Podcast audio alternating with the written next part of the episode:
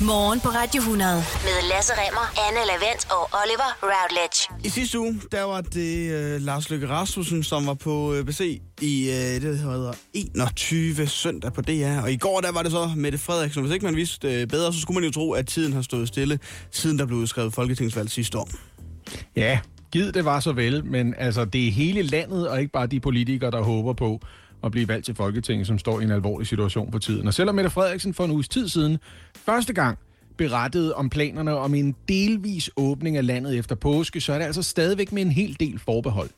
Alt det, der endnu ser ud til at virke, skyldes ene og alene, at rigtig mange danskere gør det, som sundhedsmyndighederne anbefaler. Og derfor står og falder alting med, om det fortsætter.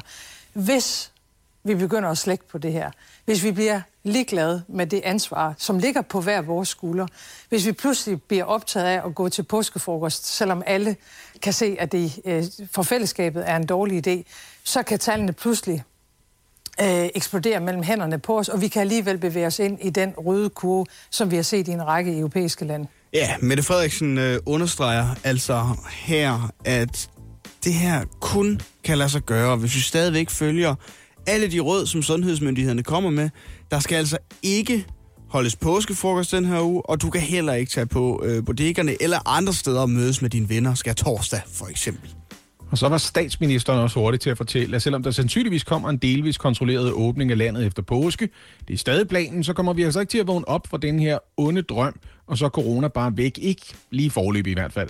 Meget tyder jo på, at indtil der kommer en vaccine, eller en meget effektiv behandling, som vi ikke har endnu, der skal vi håndtere coronaen i vores samfund. Ja. Og så blev det altså, der blev også sat en stor tyk streg under vores hverdag. Den kommer til at se markant anderledes ud i den nærmeste fremtid. Mit bedste bud, som tingene er i dag, det er, at vi, øh, vi kommer til at skulle arbejde mere forskudt af hinanden, end vi har været vant til. Møde på forskellige tidspunkter. Øh, jeg ser ikke for mig på, på sådan noget, der minder om en kort bane, at alle børn kan komme i skole, eller alle unge kan komme i gang med uddannelse på en og, og samme tid. Jeg bliver nødt til at spørge dig, for der er så mange, der kan med kort bane. Hvad, hvad tænker du på der? Jamen, det, jeg kommer ikke til at sætte dato på endnu, Men men, men vi kommer heller ikke til at kunne klumpe os sammen i tog og busser og metro, som vi har været vant til, eller stå rigtig mange mennesker øh, meget, meget tæt øh, og, og holde en god fest sammen. Verden er forandret. Vores hverdag kommer til at være forandret.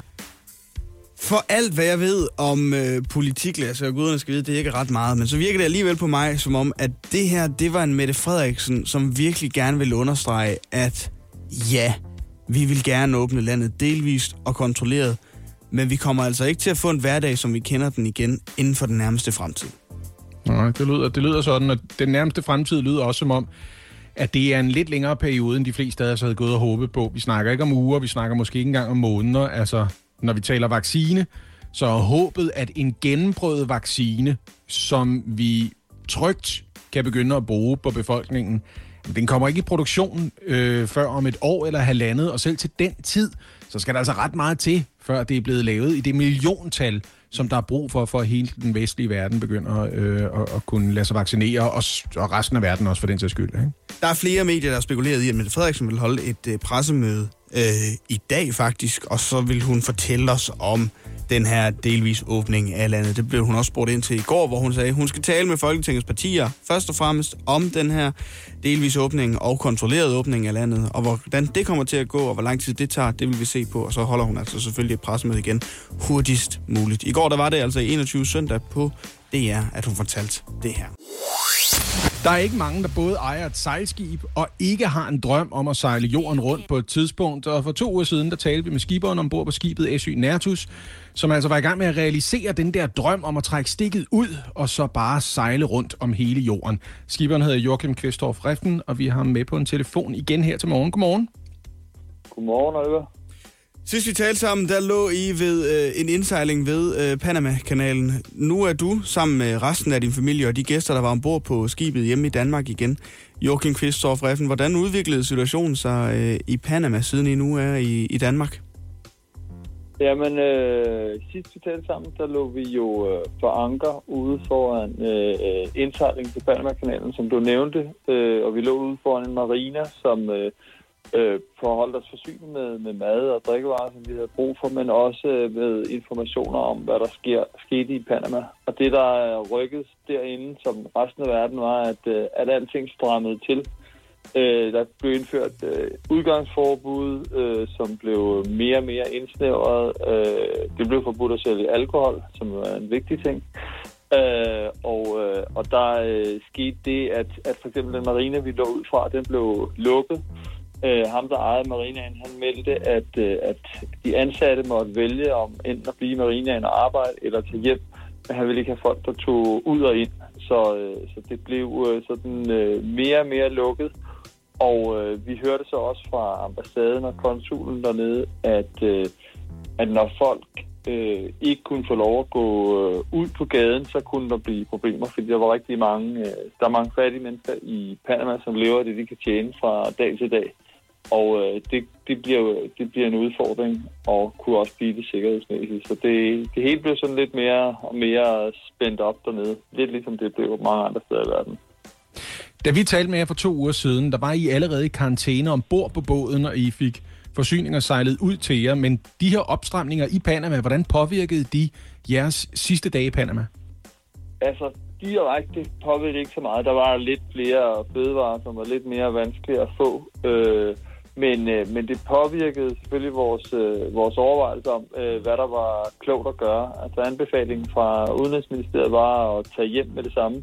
Og for os var det selvfølgelig svært at øh, tage den beslutning at bare sige, øh, nu, øh, nu sætter vi projektet på hylden, vi, øh, vi opgiver vores drømme og, øh, og giver hjem og, og tager hjem. Men, øh, men det er klart, øh, når, når tingene blev mere og mere, øh, mere, mere alvorlige omkring os, så blev vi også nødt til at forholde os til det, og det, det påvirker selvfølgelig de beslutninger, vi blev nødt til at tage lidt senere hen. Joachim Christoph Reffen, I lavede en uh, Facebook-side, hvor, hvor man kunne følge med i jeres rejse. Det har jeg selv gjort, og derinde der skrev blandt andet, at I var underlagt et ekstremt pres og en konstant usikkerhed her i, i, i Panama. Kan du sætte nogle flere ord på det? Jamen altså, som jeg også nævnte sidst, altså bare det med at være i karantæne, synes vi var, var, var stressende i den forstand, at, at vi for eksempel havde havde stor usikkerhed om, hvor længe vi skulle være i karantæne. Det er ikke uh, så spændende at, at, at hænge uh, alene ud på en, på en lille sejlbåd uh, i vandet. Og til at starte med fik jeg vide, at det var 14 dage, men det var, det var uklart, om for eksempel sejltiden skulle tælle med i de 14 dage eller ej. Og det, vi havde været undervejs i, i, i fem døgn, så det var ikke sådan helt ligegyldigt, om det skulle blive 19 eller bare 14 i alt. Uh, og det, fik vi nogle meget mærkelige og uklare meldinger på hele tiden. Men, øh, men til sidst fik vi at vide, at det, det hjalp altså ikke det der med sejltiden. Selvom vi ikke havde været i kontakt med nogen, så skulle det være 14 dage, fra vi havde kastet ankeret lige ud foran, øh, ud foran indsejlingen til Panama-kanalen. Så det, øh, det endte jo med at blive øh, 19 dage, vi skulle ligge derude. Og så var der, øh, og så var der øh, meldingerne om, du ved, øh, at, at vores indrejse skulle godkendes af Sundhedsministeriet. Det, det var usikkert, om de godkendte det til det sidste. Og vores problem var der, at, øh, at vi havde fået oplyst fra Udenrigsministeriet, at der var et fly hjem øh, den øh, 29. Og efter det ville der formodentlig ikke være flere, i hvert fald ikke må, i en måneds tid. Og med de udsigter, der var fra Panama, så ville vi øh, meget gerne ud øh, og, og hjem til vores øh, familie. Nu har I haft nogle dage til at sunde jer tilbage i Danmark igen. Skibet ligger stadigvæk øh, i, i Panama. Hvordan har I det med hele situationen nu, hvor I er kommet jer lidt over det? Ja, men altså, øh, det er rigtigt, vi har haft nogle dage herhjemme. Jeg vil ikke sige, at vi, øh, vi helt er kommet os over det, men selvfølgelig har vi haft tid til at, at tænke, og det, øh, det har været... Øh, det er mærkeligt at sige, øh, sige farvel og, og, øh, og sætte, øh, sætte det hele på pause. Men vi har valgt at, at fokusere på, at vi har sat det på pause. Øh, og noget af det, vi savner mest, øh, har vi snakket om, det er, det er fællesskabet, som man har, når man er ude at sejle. Det er et helt unikt fællesskab, øh, som jeg tror opstår, fordi man, øh, man deler ansvaret så tæt, som man gør. Alting er alvor, når man sejler. Det er vigtigt, at øh, der bliver styret rigtigt, at der bliver købt ind, og der er det mad, der skal bruges. Det fandt vi ud af, når man lige pludselig øh, ikke kommer i land i 19 døgn, så er det vigtigt, at der er købt ordentligt ind. Det er vigtigt, at der bliver lavet mad. Det er vigtigt, at øh, man holder sine vagter og alle de ting.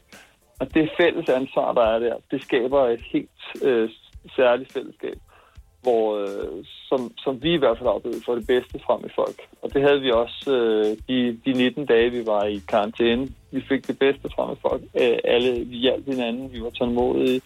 Og, at det fællesskab, som vi har oplevet gennem de, de sidste ni måneder, hvor vi har sejlet, det savner vi. Og det er blevet meget tydeligt for os nu, hvor vi er kommet hjem. Jo, øhm, Joachim, her, øh, her til sidst, hvornår, hvornår tager I tilbage til, til Nertus og, og til Panama og kan, kan fortsætte jeres sejlerdrøm? Har I noget at tænke over det endnu? Jamen altså, vi tager tilbage øh, så snart vi kan, men det er klart, der skal være nogle steder at sejle hen. Og lige nu øh, tror jeg, det er tidspunkt i verdenshistorien, hvor der har været mest lukket i verden for sejlbåd. Jeg tror selv under 2. verdenskrig var det nemmere at komme rundt. Øh, men i dag er det sådan, at der er ikke én havn, der er åben. Øh, og det er klart, der skal være noget at sejle til så lige nu øh, afventer vi situationen. Jeg tror, det er realistisk, at vi måske kan komme afsted om et halvt års tid eller noget af den stil. Men, øh, men før bliver det ikke, og vi håber virkelig, at, at verden åbner sig så snart som muligt, som alle andre også gør. Vi krydser fingre herinde for øh, jer og jeres sejlerdrøm. Joachim Kvisthoff Reffen, du skal have tak for din tid. Det var så lidt. Det du kender, det du vil vide. Morgen på Radio 100. I går, der indkaldte statsministeren Mette Frederiksen til, hvad der har været det 9. pressemøde i statsministeriet siden nedlukningen af Danmark. Velkommen til pressemøde her i statsministeriet.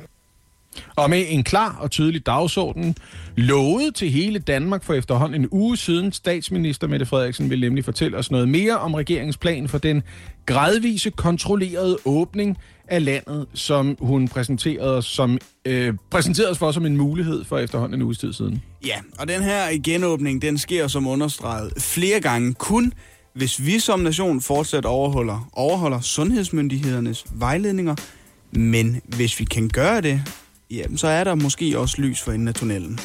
Så vil regeringen fra onsdag den 15. april begynde at åbne landets vuggestuer, børnehaver, fritidsordninger og skoleklasser for de mindste klasser igen. Ja. Det gælder klassetrinene fra 0. til 5. klasse. Det kan man så sige, det er de små børn, der så at sige skal tilbage til den hverdag, de kender efter påske.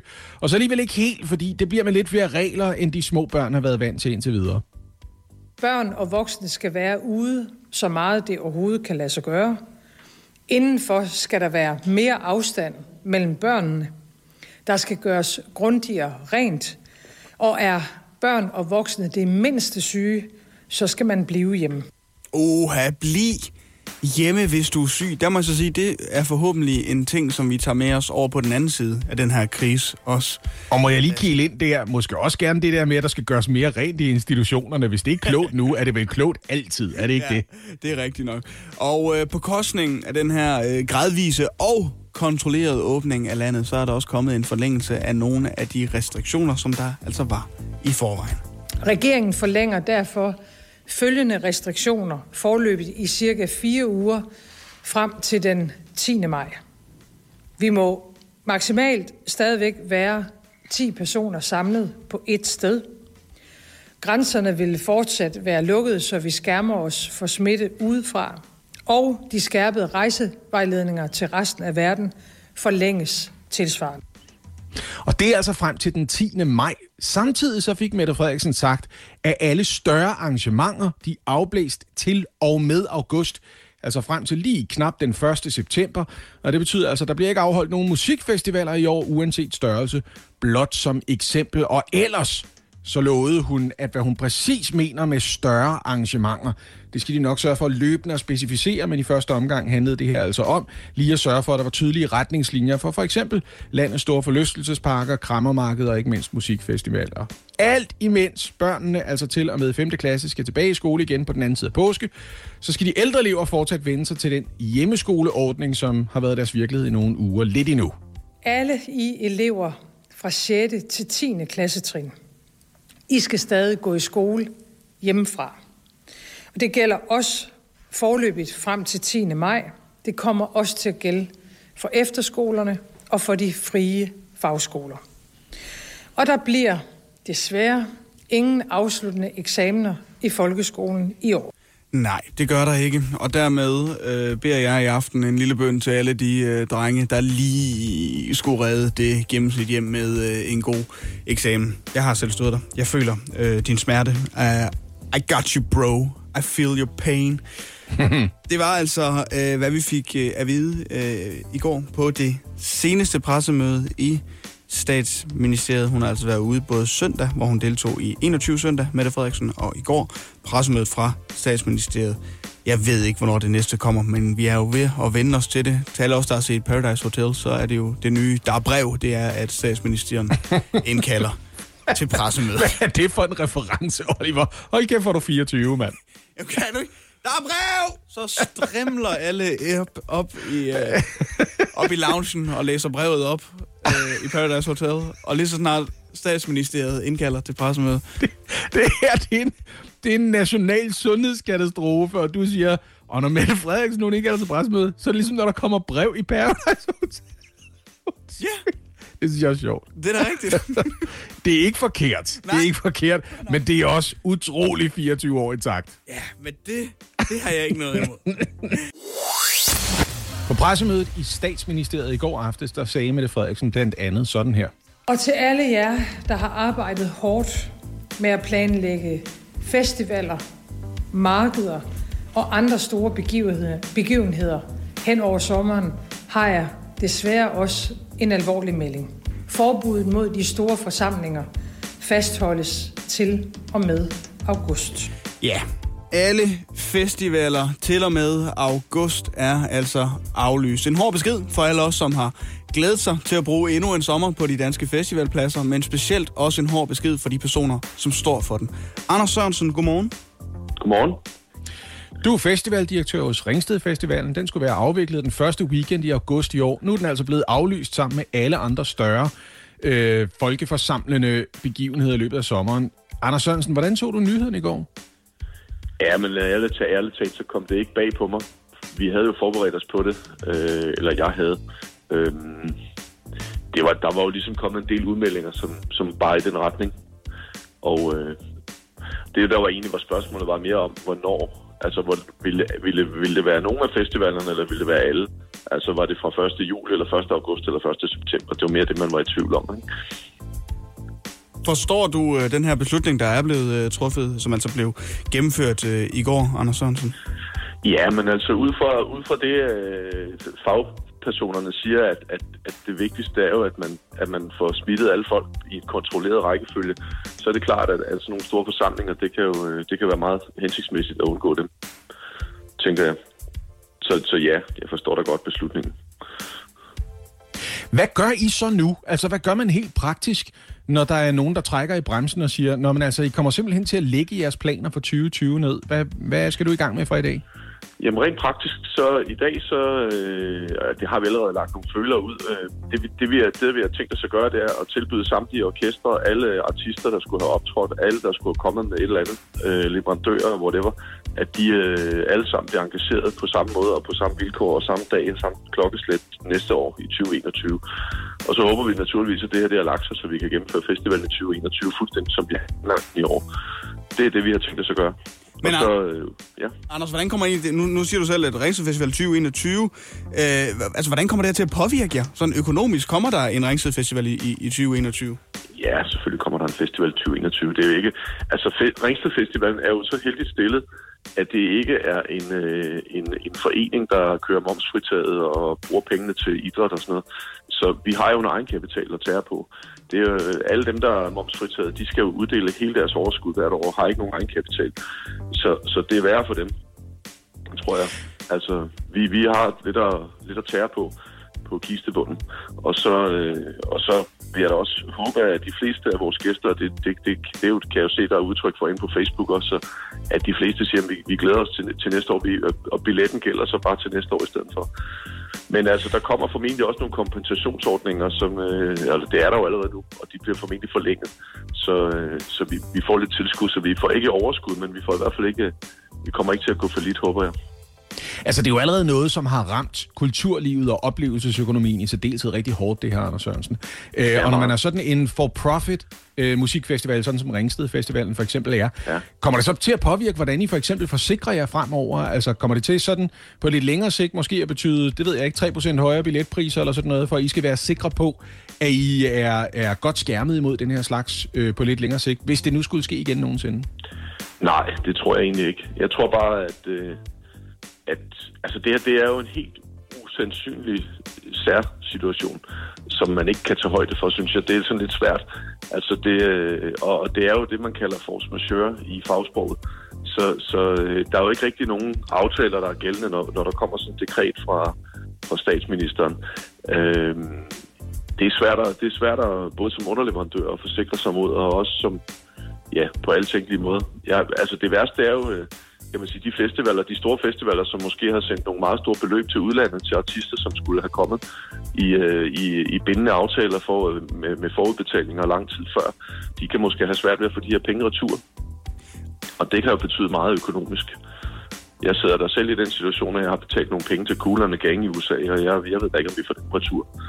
Men Anders Sørensen, tror du så, det her det kommer til at, at påvirke antallet af musikfestivaler i 2021? Tror du, vi kommer til at se færre musikfestivaler, for alt hvad du ved om festivalbranchen mm, det, næste år, end vi gør i år? Det, jeg, jeg tror, det er... Nej, jeg tror, det kommer til at afhænge fuldstændig af de kompensationsordninger, hvordan de virker. Øh, og det, er ikke, det har jeg simpelthen ikke indblik i, hvor, hvor godt det virker endnu, og hvad de har tænkt sig at gøre. Men, men så frem det bliver kompenseret, så, så festivalerne kan refundere de billetter, der skal refunderes, og, og komme, komme ud af, igennem vinterhalvåret her, det næste vinter med, med et nulresultat, jamen, så, så tror jeg, at vi overlever de fleste af os. Anders Sørensen, festivaldirektør hos Ringsted Festival. Du skal have tak for din tid her til morgen. Selv tak.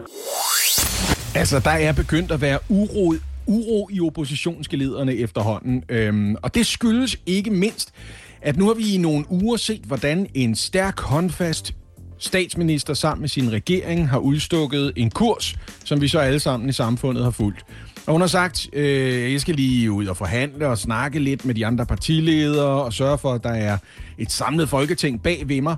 Men efterhånden, som ugerne er gået, så er øh, uroen altså øh, nu boblet op til nationale medier, og man kan få at vide, hvad det er, de egentlig er utilfredse med i oppositionen for øjeblikket. Og det viser sig, det er måske egentlig så som så med de egentlige forhandlinger, og det er først og fremmest så som så med, med transparensen i den måde, beslutningerne bliver truffet på.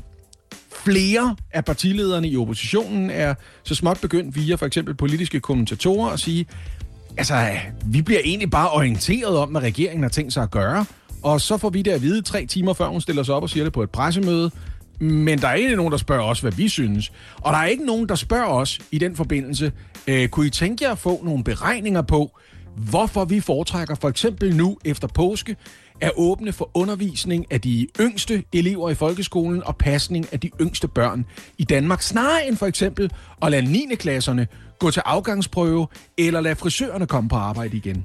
Okay, det er sjovt, fordi... Eller sjovt, men jeg har tænkt over, hver gang at Mette Frederiksen hun har talt, at hun, har, øh, hun skal lige drøfte det her med regeringens øvrige partier, så er det gået sindssygt hurtigt. Altså, man, man, det, man er bare blevet enige, og jeg har sådan haft det som om, om det er vel bare en samhørighed over den tid, vi står i i øjeblikket. Men det virker ikke helt som om, at man måske er så enige, som der bliver givet udtryk for. Ja, så nu behøver hun jo ikke at være enig med andre for ligesom at kunne træffe beslutninger på vegne af regeringen, fordi Nej, de er en mindretalsregering altså... med et enkelt parti. Jeg, jeg er 100% øh, med på, hvad det er, øh, du siger her, fordi det, der bliver sagt for eksempel, det er, jeg ved ikke, om du kan huske, øh, at på pressemødet i går, der var der en journalist, der spurgte til smittetallet lige for øjeblikket. Hvor ligger det henne, og hvor kommer det til at ligge, sådan som man har beregnet det med de lempelser, som kommer i form af yeah. børnepasning af de, af de yngste osv. Og, ikke? og her var, hvad de sagde. De sagde, de sagde, at smittetallet for en uges tid siden var 0,9. Så vi altså ligger et sted, hvor hver smittet coronapatient smitter under en ny patient. Det vil sige, hvis vi bare fortsætter sådan her, så ville øh, så ville antallet af smittede dø ud på et eller andet tidspunkt, hvis det ikke lige var, fordi vi risikerede, at vi for eksempel også ville blive smittet fra andre lande, og der ikke er nogen immunitet, fordi alt for få mennesker har haft sygdommen i Danmark.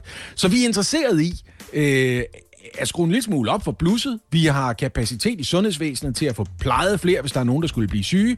Ja. Og vi fik også ved den lejlighed at vide, at vi altså ville komme op omkring et smittetal på 1,2. Hver eneste patient smitter i gennemsnit 1,2 ny patient. Eller sagt på en anden måde, hver gang der er fem mennesker, der har corona, så smitter de seks nye mennesker. Og på den måde, så er der altså le- hele tiden lidt flere smittede, men samtidig også flere, der bliver raskmeldte undervejs. Se, prøv at høre. Hele den her tekniske snak handler om, at regeringen har jo sat sig ned og fået noget sundhedsfagligt personale øh, til at regne på, Jamen altså, hvordan vil forskellige lempelser påvirke det her smittetal, og hvor mange mennesker vi kan regne med bliver indlagt i sundhedsvæsenet? Nu hvor vi ved lidt mere om sygdommen, og hvordan den har påvirket Danmark, og hvordan de foranstaltninger, vi har haft indtil videre, har begrænset smittespredningen. Ikke? Øh, og der er jo flere forskellige ting, man kunne have valgt.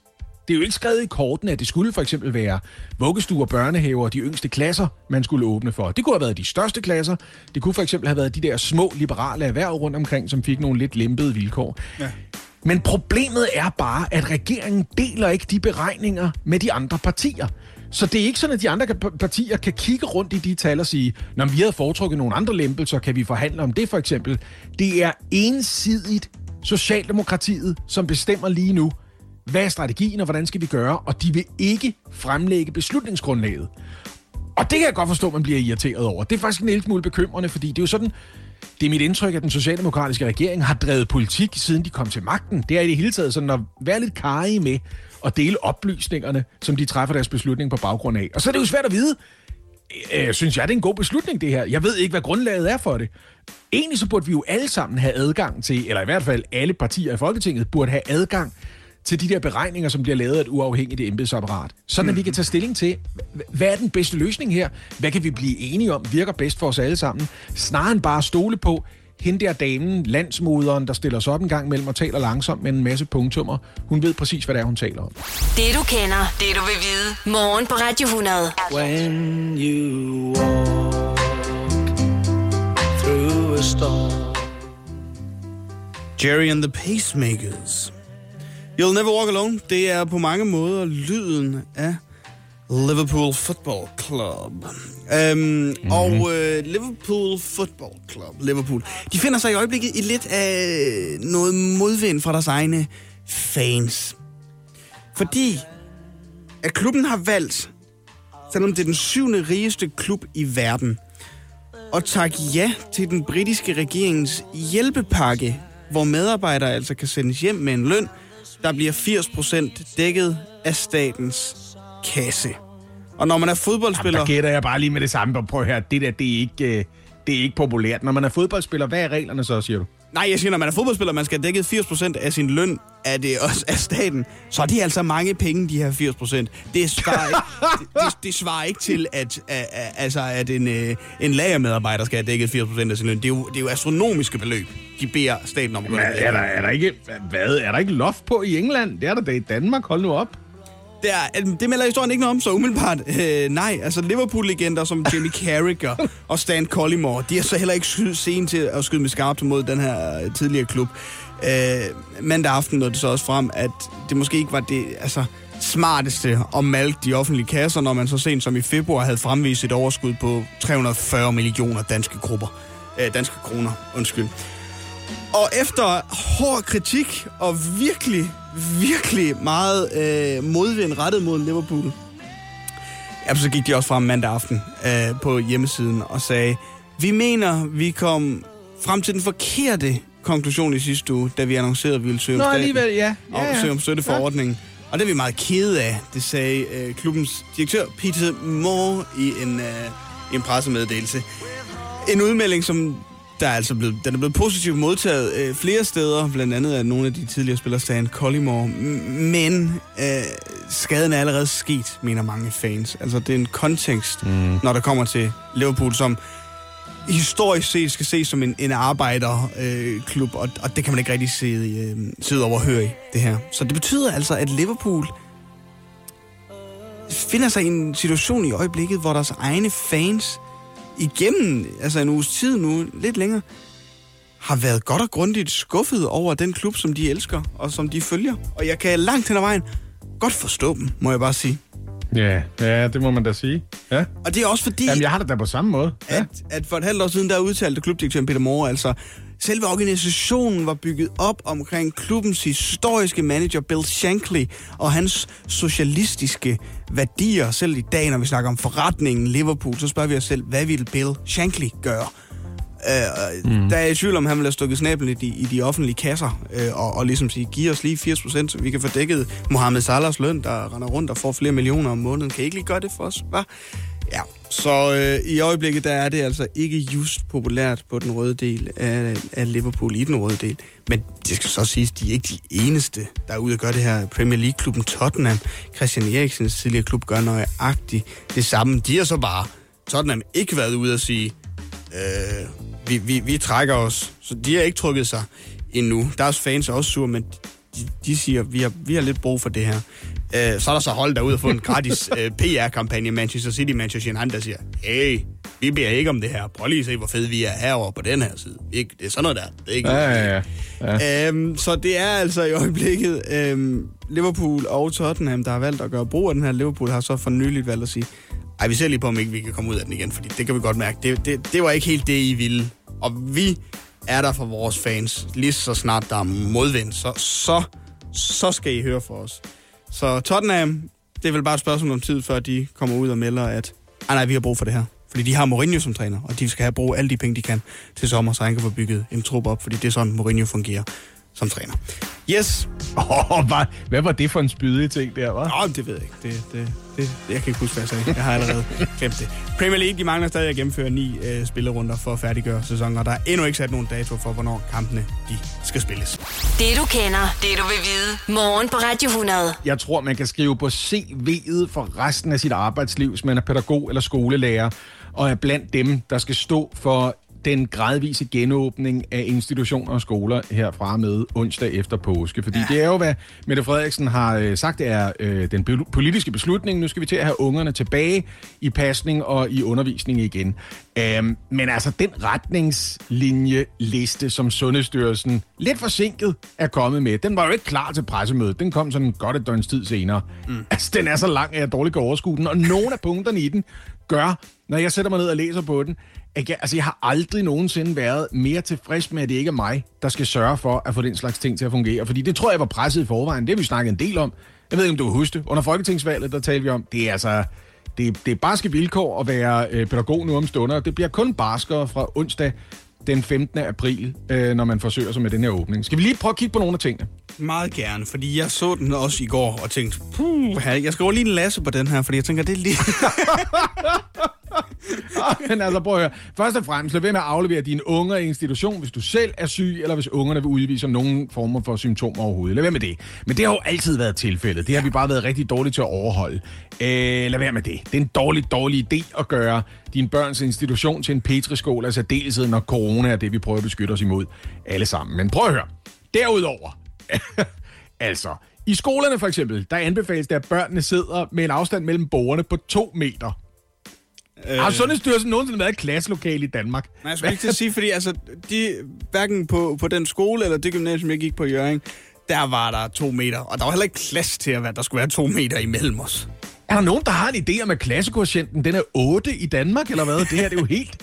Allerede der, der tænker jeg, at det er alligevel bemærkelsesværdigt. Samme arealforventninger er der sådan set til vuggestuer og børnehaver. I vuggestuer der anbefales det, at der er mindst, mindst 6 kvadratmeter per øh, passet barn, og i børnehaver 4 kvadratmeter per passet barn. I parentes bemærket, faktisk er mindre plads, end man skal have, hvis man øh, har fritgående høns. Fritgående høns skal have 10 kvadratmeter per høne. Så der kan man sige, der er bedre vilkår for økologiske æg i Danmark, når de skal lægges, end der er for de børn, vi gerne vil have passet rundt omkring. Anyway, reglerne for, hvor meget der skal rengøres, overvælder altså også mig en lille smule. Alt legetøj skal vaskes to gange om dagen. Samtidig skal der pædagogiske personale altså have overskud til at passe børnene og øh, sørge for retningslinjer, som for eksempel siger, alt mad skal være portionsanrettet, man må ikke dele mad, man, man må ikke røre ved de andre børns mad, øh, alle skal sidde med god afstand til hinanden, når de spiser. Øh, børnene skal i det hele taget anspores til at lege med de samme børn hver eneste dag i mindre legegrupper, der er ens fra dag til dag. Øh, Typisk fem børn vil lege udenfor, to til tre børn vil lege indenfor. Alt idrætsundervisning skal foregå udenfor. Der må ikke være kontaktsport. Du kan altså ikke lave rundbold eller fodbold eller altså touch football eller noget som helst overhovedet, hvad man ellers kunne have beskæftiget sig med. Held og lykke med det så. Lige præcis, ikke? Altså, det er, øh, der skal holdes afstand i det hele taget. Ja. Sengetøj skal vaskes hver dag i kogevask. Man skal benytte personligt sengetøj, sådan at man ikke risikerer, at Alma sover i noget, August sov i i går for eksempel, hvis man øh, kører en vuggestue, hvor der er brug for middagslur og så videre. Og prøv at høre, listen over, hvad man i øvrigt skal gøre hygiejnemæssigt, er alen lang. Meget af det kan man sige er sådan nogle ting, som også ville være kloge til daglig. Husk at vaske hænder jævnligt og så videre. Alle de her ting. Men altså prøv at høre, først og fremmest arealkraven og forventningen om, at børnene ikke er i særlig meget kontakt, og hele tiden skal have at vide, at de ikke må være i kontakt med hinanden af hensyn til folkesundheden. Prøv at, prøv at aflevere en femårig i børnehave, øh, og så skal der stå nogle pædagoger, som har fået den opgave, skulle sige til de femårige hele tiden. Du må ikke røre ved dine legekammerater, så dør dine bedste forældre. Altså prøv at høre, det er jo umenneskeligt for de stakkels børn. Jeg er med på, at vi skal åbne samfundet igen. Men Sundhedsstyrelsen her, ikke? Der har ikke været én pædagog inden over nogle af de her retningslinjer sagt, er det her realistisk arbejdsmæssigt? Er det her realistisk pædagogisk? Er det her realistisk i forhold til, hvordan børn opfører sig i det hele taget? Sundhedsmæssigt, ikke de store problemer, gætter jeg på umiddelbart. Fordi du ved, børn er nærmest immune over for øh, corona. Nærmest, siger jeg. Jeg tror, der har været et enkelt barn i behandling i al den tid, vi har snakket om corona i Danmark, og det var problemfrit, sådan som jeg forstår det. Ikke? Men resten... Altså, det her, jeg bliver helt, jeg bliver helt udmattet. Altså, det, det her, det var sådan... De ting, jeg har ramset op for dig, hvad er det? 4% af de regler, Sundhedsstyrelsen har lavet. Ja. Jeg, har, jeg, jeg skal ikke overskue det. Nej, og det er en kæmpe lang øh, liste af regler, der kom ud i går, altså sådan godt og vel 24 timer. Og det, Oliver, hvor skal personalet komme fra? Hvor skal rengøringsfolkene komme fra? Hvor, hvem har stillet budgetterne op? Der er ikke blevet udløst penge til, at alt det rengøring, der lige pludselig for eksempel skal afvikles hvert eneste døgn, mm. øh, det rent faktisk kan laves. Det, det her det vil jo betyde, at institutionspladser fremover skulle koste i egenbetaling alene sådan noget 7-8.000 kroner om måneden eller sådan noget. Jeg aner ikke, hvordan det her det skal lykkes. Jeg gætter på, at der er et økonomisk efterslæb i hvert fald, og et arbejdsmæssigt efterslæb. Og så i øvrigt, her en anden ting. Ikke? Øh, og jeg ved godt, at nu har jeg ramset en masse ting op i speedsnakker-tempo indtil nu. Jeg kan huske, hvordan det var at aflevere børn i institution. Du skal da ikke bilde mig ind, man kan holde afstand til de andre forældre og de andre børn, når alle ankommer et eller andet sted omkring klokken kvart i otte. Og man står helt trangt derude og prøver at finde frem til at hænge noget overtøj op over ved postkassen, og en anden skal hænge... Ja, jeg ved sgu ikke, hvad det er for nogle symboler, de arbejder med i dag. Mine unger er for store. Øh, så kan du hænge din regnfrakke over ved iPad'en derovre, for eksempel. Ikke? Altså, Øh, du er jo også nødt til at aflevere i hold, kunne jeg forestille mig. Du er nødt til at lave nogle ting, som siger, ved du hvad, du kan komme med dit barn mellem 7.10 og 7.15, ja. og hvis du ikke er her der og ude af døren igen, så er du ikke velkommen. Så må Fordi du, du kan ikke stå, det er det, du kan ikke stå fire børn og fire forældre ude i det der lille bitte garderoberum og, og ikke komme til at hoste på nogen et eller andet sted. Og i øvrigt, nu siger jeg bare lige igen, bliv hjemme, hvis du er syg. Bliv for pokker hjemme, hvis du har noget, der minder om symptomer. Ikke? Ja. Morgen på Radio 100 med Lasse Remmer, Anne Lavendt og Oliver Routledge. På pressemødet i mandags, der sagde statsminister Mette Frederiksen blandt andet sådan her. Så vil regeringen fra onsdag den 15. april begynde at åbne landets vuggestuer, børnehaver, fritidsordninger og skoleklasser for de mindste klasser igen. Ja, den gradvise og kontrollerede åbning af landet starter altså først og fremmest hos de små børn. Der er tilknyttet en øh, del restriktioner, som vi også blev øh, lidt klogere på tidligere på morgen. Tak, Lasse. Men hvordan det bliver det her så i praksis? Ved du hvad, Oliver, det spørgsmål, det kan vi sende direkte videre og sige godmorgen til Kirsten Gunvor Lødt. Godmorgen. Du er formand for Almenområdet i LFS, som er den største fagforening for pædagoger i hovedstadsområdet. Øhm, først og fremmest, hvordan tror du, det kommer til at lykkes med at åbne institutionerne om en uges tid? Ved du hvad, lige nu er det rigtig svært at spå om, øh, om noget som helst, men, øh, men jeg tror, det der er vigtigt lige nu, vi har jo rigtig mange medlemmer, som er bekymrede for den her opstart, både ledere og medarbejdere. Og jeg tror, at det, der er vigtigst at huske lige nu, det er, at den lukning, der blev lavet for fire uger siden, det var en politisk beslutning. Det var ikke noget, der stod i Sundhedsstyrelsens bog. Og derfor, det gjorde Søren Brostrøm meget tydeligt. Og, og det kan man sige, nu er der gået fire uger, hvor hele samfundet har været lukket ned, hvor vi er blevet taget ørerne fulde af, øh, hvor farligt det er med den her sygdom, og hvor hurtigt den smitter. Øh, og det, det tror jeg godt, at øh, jeg kan godt forstå, at folk øh, er lidt i panik over at skulle åbne. Og især på et område, som kan man sige er altså underfinansieret, men også hvor man har at gøre med en gruppe, som, som man ikke bare lige kan styre. Altså treårige øh, på, øh, på en legeplads, det er, det er en fest i sig selv. Altså en lang række af de her retningslinjer følges jo på vej af, af nogle øh, øh, krav og forventninger til jer og til andet personale, øh, både i, i skoler og i institutioner rundt omkring, øh, som der ikke er bundet finansiering op på. Altså, der skal vaskes en masse legetøj og gøres ekstra rent osv. Øh, hvordan regner du umiddelbart med, at man vil håndtere det i institutionerne?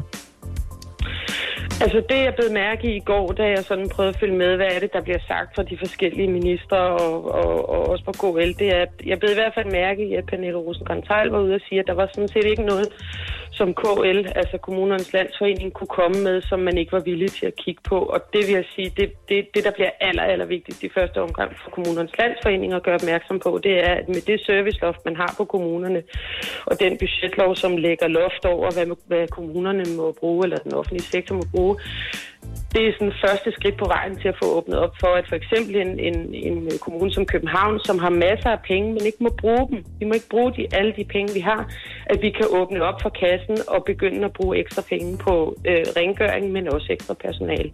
Vi står i en situation, hvor vi i forvejen har rigtig, rigtig svært ved at rekruttere pædagoger. Mangler pædagoger på hele området i hele landet.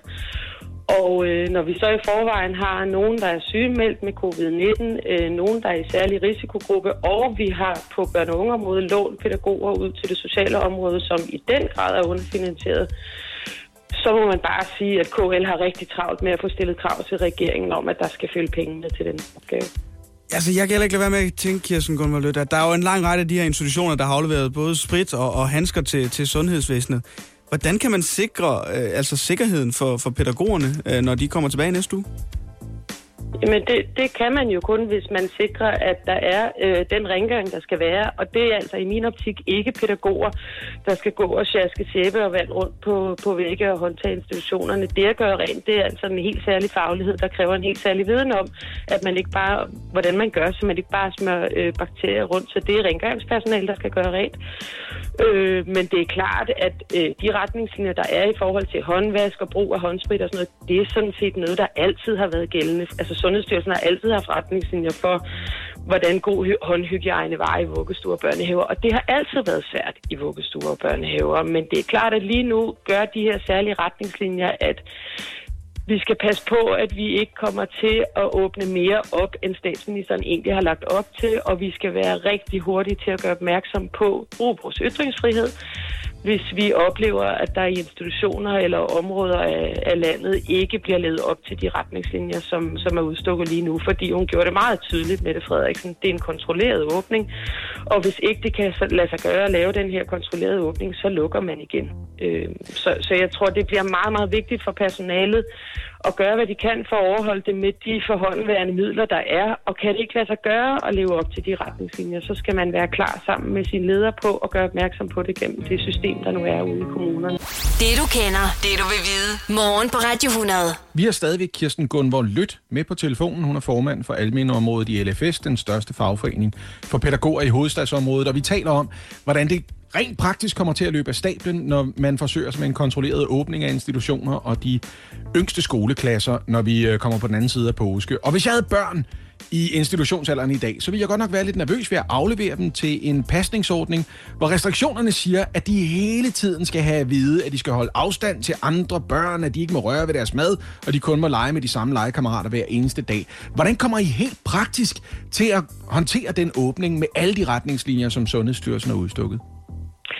Altså man kan sige, man kommer i hvert fald ikke omkring det ved at formane børn, fordi er der noget børn og deres øh, små søde hjerner ikke kan, så er det at adfærdsregulere sig selv eller styre sig selv via formaninger. Så der er en kæmpe, kæmpe, kæmpe pædagogisk opgave for det personale, der nu skal på arbejde at tage mod nye børn i forhold til at skabe tryghed. Og så må vi bare sige, at de krav, for eksempel i forhold til kvadratmeterkravene, det er jo man kan se det som en mulig opgave, men man kan også se det som en gave til ligesom at kontrollere åbningen og sige, vi har, altså de der øh, 6 kvadratmeter per barn i, i vuggestue, det betyder, at en almindelig vuggestuegruppe, de skal være på et areal, der svarer til min gamle lejlighed.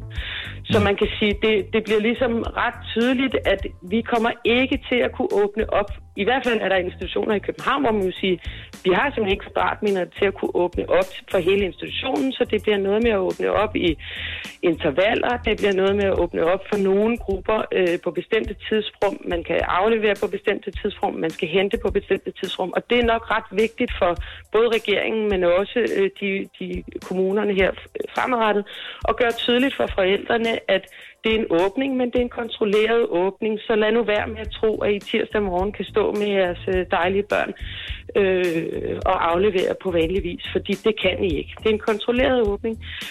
Men man, har, man, man er nødt til på en eller anden måde at gøre det, gøre det tydeligt for befolkningen, at selvom covid-19 er meget, meget smitsom og farlig for visse grupper, så har vi sådan set også været i smitterisiko, før landet blev lukket ned. Og vi skal huske hinanden på, at det var en politisk beslutning at lukke landet ned, og det er en politisk beslutning at åbne op igen.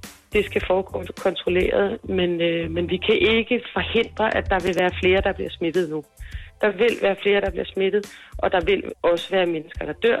Særligt dem, øh, dem der står på listen over risiko, særlige risikogrupper. Kirsten Gunvald, bare lige øh, afslutningsvis her til sidst. Jeg, jeg, jeg kan også lidt øh, høre dig sige, at der, der, der kan jo ske det, at det er nemmere for en, en skovbærnehave i Jørgen, hvor jeg kommer fra, at, at holde afstand, end det er for en børnehave på Vesterbro, hvor jeg bor nu. Altså, kommer der ikke til at være forskellige løsninger rundt omkring i alle kommuner for, hvordan man får det her til at fungere? Jo, det kommer der til. Og det kan man sige, alt efter hvor man står og kigger på det, så kan man undre sig lidt. Jeg tror, når jeg har tænkt mig lidt om, så er det nok også bedst i virkeligheden, at de forskellige kommuner, kommuner har forskellige løsninger, fordi vi har så forskellige vilkår for, hvordan vores dagtilbud er rundt omkring i landet. Men jeg tror, i de enkelte kommuner, der kan det være rigtig godt. Altså, jeg har også arbejdet som leder i daginstitutioner. Jeg har arbejdet 20 år øh, på daginstitutionsområdet som henholdsvis medhjælper og pædagog. Og det er i, i sådan nogle situationer som det her, der er det vigtigt, at man, man egentlig styrer det ret øh, tydeligt fra toppen. Så det vil sige, at kommunen melder ud, så lederne ikke skal sidde ude på de enkelte institutioner og opfinde den dybe tallerken, men at man gør det meget tydeligt, hvordan forventer I, at I, at I afvikler den her, eller laver den her genåbning. Altså, hvor mange kvadratmeter har I til rådighed? Hvad betyder det for, hvor mange børn I kan have i gangen? Hvad betyder det for, hvor mange personaler vi forventer, I stiller til rådighed? At kommunen hjælper med at afdække, hvor mange medarbejdere har vi til rådighed? Altså, hvor mange er lige nu sygemeldt, hvor mange er i særlig risikogruppe. Alle de her ting, som man i virkeligheden i fire uger har, har haft tid til sådan at afdække og løbende følge op på det skal kommunerne hjælpe de lokale ledere og, og medarbejdere med at få styr på, fordi det er en kæmpe opgave, de står overfor nu. Ja, det kan man da sige sammenfattende er, øh, er overskriften for den opgave, der står foran jer. Der er et enormt stykke arbejde på flere fronter foran jer. Øh, formand altså for almenområdet i LFS, den største fagforening for pædagoger i hovedstadsområdet, Kirsten Gunvor Lødt. Tak skal du have. Selv tak. Efter øh, regeringens udmelding fredag aften og statsministerens pressemeddelelse, Lasse, så er der jo sket altså, mange ting. Der er mange ting, der er blevet aflyst. Der er nogle andre ting, der har fået en afklaring på, hvad der skal ske det kommende stykke tid. Og en af de øh, steder, øh, hvor der også er kommet afklaring, det er i fodboldverdenen. I hvert fald herhjemme. Fordi efter pressemødet mandag aften, så vurderer man nu, at det er realistisk at gennemføre sæsonen og få afviklet samtlige kampe i Superligaen og første division. Vel at mærke uden tilskuer på lægterne selvfølgelig. Oh, det kommer til at gøre NAS også indkomstmæssigt, ikke? Men på den anden side kan man sige, at de har vel stadigvæk tv-rettighederne, og der kommer til at være rigtig mange, der ser kampene derhjemme i stedet for så. Ja, lige præcis. Det er Divisionsforeningen, der skriver det her i en øh, pressemeddelelse tirsdag eftermiddag, og der fremlægger Divisionsforeningen også tre forskellige scenarier for, hvordan det kan lade sig gøre. Og fælles for alle tre scenarier, det er, at der er opstart i maj måned. Og i de tre scenarier, der bliver både Superligaen og pokalturneringen spillet færdig inden udgangen af, af juli. Der er også taget højde for, at klubberne de skal have en, en, en, en lille opstartsperiode, inden der tages hul på kampene. Det er simpelthen bare for at, at sikre, at spillerne sådan er, er fysisk klar efter en periode med, med hjemmetræning, eller for andre vedkommende slet ingen øh, træning. det, altså, det bliver ligesom EM 1992, ikke? Fuldstændig, det bliver, en, ja. Det, det bliver en masse hold, der er fuldstændig ude af kampform.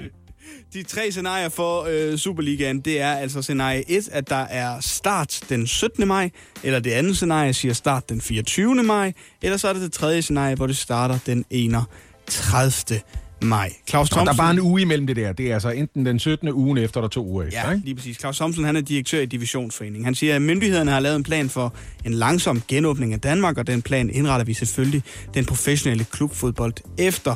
Mange klubber har haft hjemsat ansatte, både spillere og øvrigt personale. En del klubber er allerede begyndt med træning i mindre grupper, der kommer gradvist til at blive, øh, det kommer gradvist til at blive forøget, så vi kan forsvarligt bygge øh, og afvikle kampe igen i anden halvdel af maj.